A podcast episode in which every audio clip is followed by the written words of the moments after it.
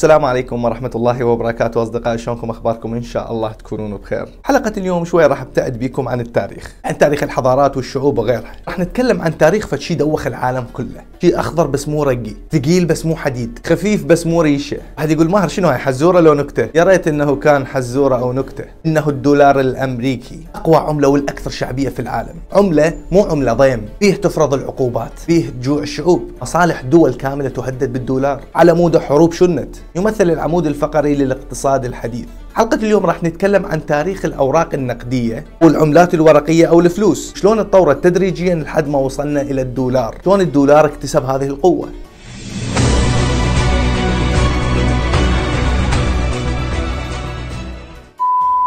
في العصور الماضية السحيقة تقريبا ما قبل العام 700 قبل الميلاد. يعني أيام الحضارة السومرية والبابلية والآشورية والفرعونية القديمة كان الناس يعملون ويزرعون حتى يعيشون. مثلا قسم من الناس كان يزرع الحنطة قسم آخر يزرع الطماطم قسم آخر يزرع الخضروات. تمام لحد الآن؟ تمام. قسم آخر من الناس ما كان يزرع. قسم كان يجمع الحطب قسم آخر كان يربي الماشية قسم يصنعون السيوف والملابس وغيرها. تلك الفترة من العصور القديمة ما كان أكو شيء اسمه عملات أو كوين. حتى ياخذ المنتوج مالته أو المحصول ويروح يبيعه ويشتري غير شغلة. لا لا ما كان أكو شيء كان أكو شيء ثاني اسمه مقايضة. المقايضة شنو؟ على سبيل المثال أني أزرع طماطه أخذ المحصول مال الطماطه وأتوجه به إلى السوق. كذلك أبو الحنطة نفس الحالة وأبو السمك. كل اللي يشتغلون يأخذون محاصيلهم ويتجمعون في السوق. بالسوق تتم عملية المقايضة. والمقايضة شنو مثلا؟ مثلا أبو الطماطة يروح لأبو الخيار يقول له راح أنطيك خمس طماطات تنطيني ثلاث خيارات. يروح على أبو الحنطة يقول له راح أنطيك ثمان طماطات تنطيني ثلاث أكواب من الحنطة. يعني مثل المراوس واحد ياخذ شيء من الثاني وينطيه من المحصول. كلهم يسوون هيك يعني يراوسون جزء من المحصول الشيء اللي يحتاجه من الآخر. الكل يرجع للبيت معاهم منتجات مختلفة. العملية كانت عشوائية ولكنها كانت يعني مشي الأمور. كانت فعالة واستمرت لأعوام طويلة. يعني عملية المقايضة كان بها سلبيات هواية. يعني مثلا كان أكو منتجات عالية القيمة. مثلا الماشية. الحطب في فصل الشتاء. وحتى المصوغات الذهبية والفضية. يعني هاي المنتجات الغالية أنا إيش قد ممكن أنطي من المنتوج مالتي حتى أحصلها؟ حتى لو أنطيته محاصيل ضخمة. المحاصيل هذه ما يقدر يخزنها تتلف. يعني المنتجات النفيسة ما أقدر أشتريها بالمقايضة. ذلك المقايضة كانت بها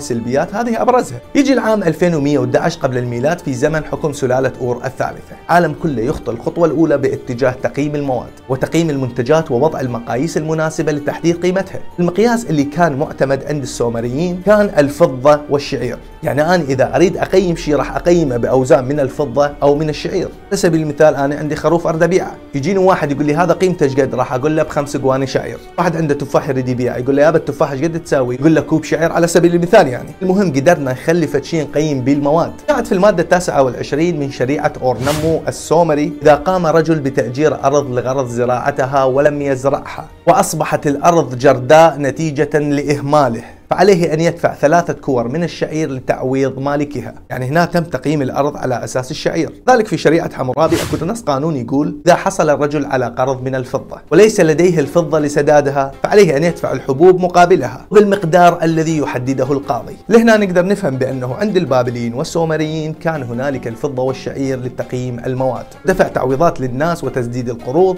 إلى آخره. وهي تمثل المرحلة الأولى وحجر الأساس لبناء التداول السلع الحديث. يجي العام 685 قبل الميلاد تحديدا في مملكة ليديا في الأناضول بتركيا اليوم تحديدا في زمان الملك أرديس. لما تم اكتشاف أول عملة نقدية معدنية عملة كانت عبارة عن قطع من المعادن المختلفة تكون بوزن ثابت وتكون بشكل قرص دائري منقش غالبا على هذه القطعة المعدنية على شكل القرص صورة الملك. صار عندنا لحد الآن صار عندنا بأنه لما تشتغل تأخذ المنتج مالتك تروح تعرضه منتج مالتك صار يقيم بعملات معدنية. بيع المنتوج وتاخذ مكانه عملات معدنية. وبالعملة هاي تقدر تدفعها لتقييم منتج آخر وتخزن جزء من عندها. قبل كنا ما نقدر نخزن تعبنا. هسه نقدر نخزن مجهودنا وتعبنا وللفترات طويلة. واحد يقول لي ما راني أقدر اشتري كيلو خضروات راح ادفع بمكانه عملات ذهبية. طبعا لا سووا عملات مختلفة. قيم واوزان مختلفة. مثلا أقوى عملة كانت مصنوعة من الذهب. هذه تستخدم للأمور الغالية والنفيسة جدا. ثاني عملة كانت مصنوعة من الفضة. كانت تستخدم للأمور الغالية نوعا ما. ثالث عملة كانت مصنوعة من النحاس للمنتجات المتوسطة الكلفة. كانت هنالك عملات تسك من الحديد للأمور الرخيصة جدا وقليلة القيمة. اكتشاف العملات المعدنية في مملكة ليبيا تمثل الخطوة الثانية باتجاه التطور وصولا إلى النقود اليوم. وكل الدول بمرور الزمن تعلمت هذه الطريقة. وقامت تسك العملات النقدية المختلفة. حتى أنت كملك تميز عملاتك الذهبية والفضية عن باقي الملوك الدول لازم تنقش شكلك على هذه العملة. ربما تنقش عبارات تمثل هويتك أو توجهك. العملات صارت الدول تتباهى بها للدلالة على الغنى وتصدير ثقافة الشعوب إلى العالم. يعني بمعنى شوفونا إحنا أقوياء جدا وأغنياء جدا. يعني العملات أصبحت أشبه بالرسائل. يعني على سبيل المثال في زمان الفرس الساسانيين كانت على العملات تنقش صور ملوكهم وهم في حالة حرب. هذا الوضع الهجومي كان ينقش على العملات الذهبية خاصة حتى يقول لهم إحنا أقوياء وأغنياء. أيام الخلافة الإسلامية سواء الأموية أو العباسية كانت عبارات لا إله إلا الله محمد رسول الله تسك على العملة ليلا على التوجه الإسلامي العربي. المهم ما طولها عليكم العملات كانت لها أهمية كبيرة جدا جدا. طيب شنو سلبياتها؟ أول سلبية هي وزنها. صعوبة نقل كميات منها من مكان إلى آخر. ثاني سلبية هي سهولة سرقتها من قبل قطاع الطرق. تعرفون أنتم العالم كان في حالة تجارة مستمرة. التاجر لما يسافر إلى بلاد ثانية. ما كان يسافر على الطيارة كان يسافر على البعير حاملا معه كل ما يمتلك من عملات ذهبية. التاجر يروح بالبعير للبلاد الثانية خلال طريق عالي الخطورة. يطاردوك اللصوص وإذا تمكنوا من عندك أخذوا الذهب مالتك ويقتلوك وعلي بابا ما كان يشتغل مضمن. ذلك كان لابد من وجود وسيلة تسهل عملية التداول والتجارة. والحل يأتي من الصين. خلال حكم سلالة تانغ عام 807 ميلادية خلال تجارة التجار الصينيين عن طريق الحرير كان تجار الصين هواي يتعرضون للتسليب خلال التجارة يتسلبون بطريق التجارة من قبل قطاع الطرق. لذلك اجت للصينيين فكرة. الفكرة هي كما يأتي.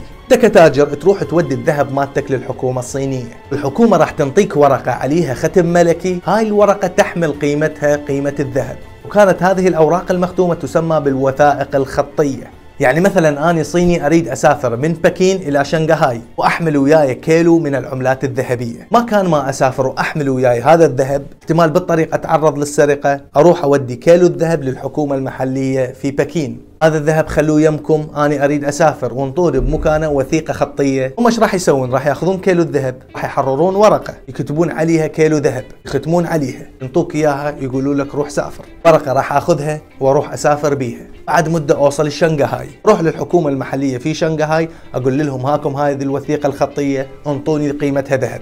هم راح يأخذون الورقة وراح ينطوني بقيمتها ذهب.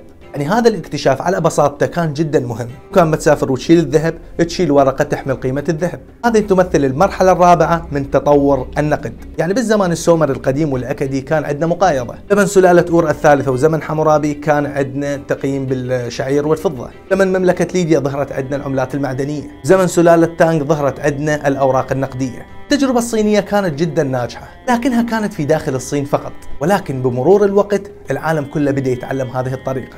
صارت كل الدول تاخذ الذهب وتصدر بمكانه أوراق تحمل قيمة هذا الذهب. التجربة الصينية انتقلت إلى أوروبا عن طريق الرحالة ماركو بولو. في القرن الرابع عشر أوروبا بلشت تطبع أوراق نقدية تحمل قيمة ذهب. أوروبا شوي تطور الموضوع أكثر وهو بأنه الحكومة راح تاخذ الذهب تجزئ الذهب إلى أجزاء صغيرة يعني غرامات قليلة وبمقابل كل غرام تصدر ورقة نقدية ثابتة القيمة الورقة هاي تكون مصدقة من قبل الدولة. الناس قامت تشيل بإيدها أوراق نقدية بمثابة شايلة بإيدها ذهب. على سبيل المثال إذا كان كل غرام صدر بمكانة ورقة نقدية قيمتها دينار فأنت إذا شلت خمس دنانير معناته شايل وياك خمس غرامات من الذهب. إذا شلت عشر دنانير معناته شلت وياك عشر غرامات من الذهب. وهكذا ولكن الأوراق النقدية الثابتة كان هم لها سلبيات هواي. أول سلبية هي سهولة انتشالها من البيوت ومن الجيوب. ثاني سلبية هي الجهة المسؤولة عن طباعة هذه الأوراق. الحكومة تقول آني البرلمان يقول آني. لذلك ظهرت فكرة البنوك المركزية. البنك المركزي هو الجهة المسؤولة عن طباعة النقود. تبط بالبنك المركزي مجموعة من المصارف حتى يتمكن الناس من إيداع الفلوس بيها. مكان تقدر تاخذ من عنده قرض حتى تفتح مشروعك.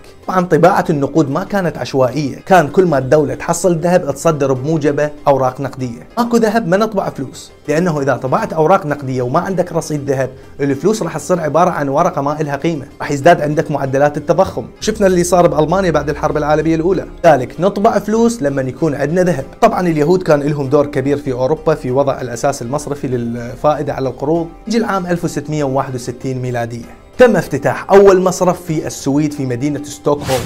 بعدها تم افتتاح مصرف في إسكتلندا عام 1669 القطاعات المصرفية تنتشر في كل العالم. أوروبا بصورة عامة إسبانيا بريطانيا فرنسا هولندا. إيش قامت تسوي؟ قامت تنقب عن الذهب في أفريقيا. طبعا الذهب كان بكميات مهولة. تنقل الذهب إلى المصارف. وموجب هذا الذهب تصدر الأوراق النقدية والفلوس الخاصة بكل دولة. المهم يجي العام 1776 ميلادية. الولايات المتحدة تستقل عن بريطانيا. بيتأسس الكونغرس الأمريكي. وفي العام 1786 الكونغرس الأمريكي يصدر قرار مهم. هو سك العملة وإصدار الدولار الأمريكي. ويولد في هذا العام الدولار. طبعا الكونغرس أيضا أصدر قرار مهم جدا وهو إخراج كافة العملات الأجنبية من داخل أرض أمريكا واستبدالها بالدولار. طبعا الموضوع هذا مو سهل. الموضوع استغرق لمدة 50 عام حتى يفرغون أمريكا من العملات الأجنبية. يجي العام 1860 تندلع الحرب الأهلية. الأمريكية. تكلمنا عليها بحلقة أمريكا. يأمر الكونغرس بطباعة 400 مليون دولار أمريكي. يعني في تلك الفترة أمريكا كانت تمتلك نصف ذهب العالم. طبعا ال 400 مليون دولار مبلغ ضخم جدا في تلك الفترة. هذا المبلغ كان لتمويل الحرب الأهلية لضمان الانتصار. لا الحرب وبعدها المصارف الأمريكية تصاب بحالة من التقلبات والتدهورات والانهيارات. الناس من خوفها على فلوسها. كل ما تسمع إشاعة كانت تنزل للمصارف تسحب فلوسها والمصارف تفلس. مدير المصرف كالعادة ينتحر. الإشاعات كانت تخلي الناس تسحب فلوسها. يعني بسبب الإشاعات المصارف كانت تتفلس. حقيقة الإشاعات موضوع كارثي جدا على الاقتصاد والأموال. ولحد اليوم الحالة القلقة للمصارف الأمريكية استمرت حتى عام 1907 أحد مدراء المصارف الأهلية الكبار كان اسمه جي بي مورغان. جي بي مورغان اجتمع مع عشرة من مدراء كبار المصارف الأمريكية في تلك الفترة لوضع صورة حل للحال المتقلب للمصارف. بعد اجتماعات مطولة استمرت لخمسة أعوام وأخيرا تم تأسيس البنك الفيدرالي الأمريكي فيد اللي هو مثل البنك المركزي. البنك الفيدرالي الأمريكي مصرف عملاق مستقل تماما عن الحكومة الأمريكية والكونغرس. يعني مستقل تماما ما له علاقة بها ما يمشي بتوجيهاتها. المصرف الفيدرالي الأمريكي كانت به عدة وظائف. أبرزها أولا منح القروض للمصارف الصغيرة لمواجهة الإفلاس. وبهذا الشيء قدر يحافظ على استقرار القطاع المصرفي. يقرض الدول الأخرى. وأخيرا يكون جهة مسؤولة عن طباعة الدولار الأمريكي. عن همنا مو بكيف يطبع. لازم يستلم ذهب من الحكومة الأمريكية. المهم المصرف الفيدرالي الأمريكي تأسس عام 1913 يجي العام 1914 العالم يدخل حرب عالمية أولى. الحرب العالمية الأولى المصرف كان يقرض دول الحلفاء مبالغ مالية بفائدة عالية وبالتالي قيمة الدولار بدأت تزيد. الدولار يعيش أجمل أيامه. يجي العام 1939 تندلع الحرب العالمية الثانية وهتلر يلعب خلقه بأوروبا عام 1944 والحرب تقريبا انحسمت لجانب الحلفاء. أمريكا دزت على 44 دولة مدمرة من الحلفاء بريطانيا وفرنسا كلهم يعني كل الدول الأوروبية تقريبا راحوا لأمريكا وأجبرتهم على توقيع اتفاقية بريتن وودز.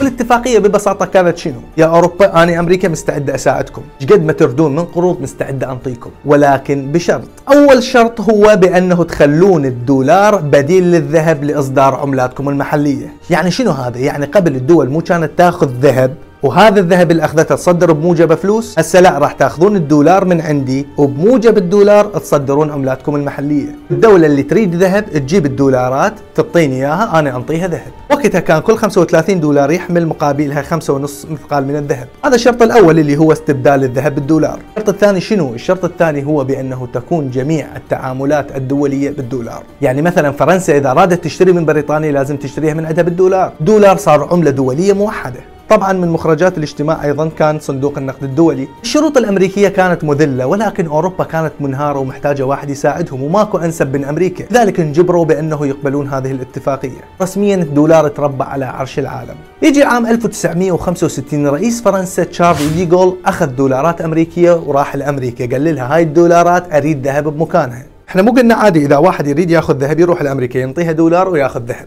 الرئيس الفرنسي راح لامريكا أخذ لها دولارات وقال لها انطيني ذهب أمريكا قالت له okay ما عندي مشكلة لكن انطيني شوية وقت. الوقت يجر وقت لحد عام 1971 فرنسا بدأت تضغط على أمريكا بالموضوع تقول لها هات الدولارات انطيني ذهب. بعد ما زاد الضغط الفرنسي أمريكا طقتها بوجههم قالت لهم أنا خلال الفترة السابقة أنا كنت أعطيكم دولارات بدون رصيد ذهب.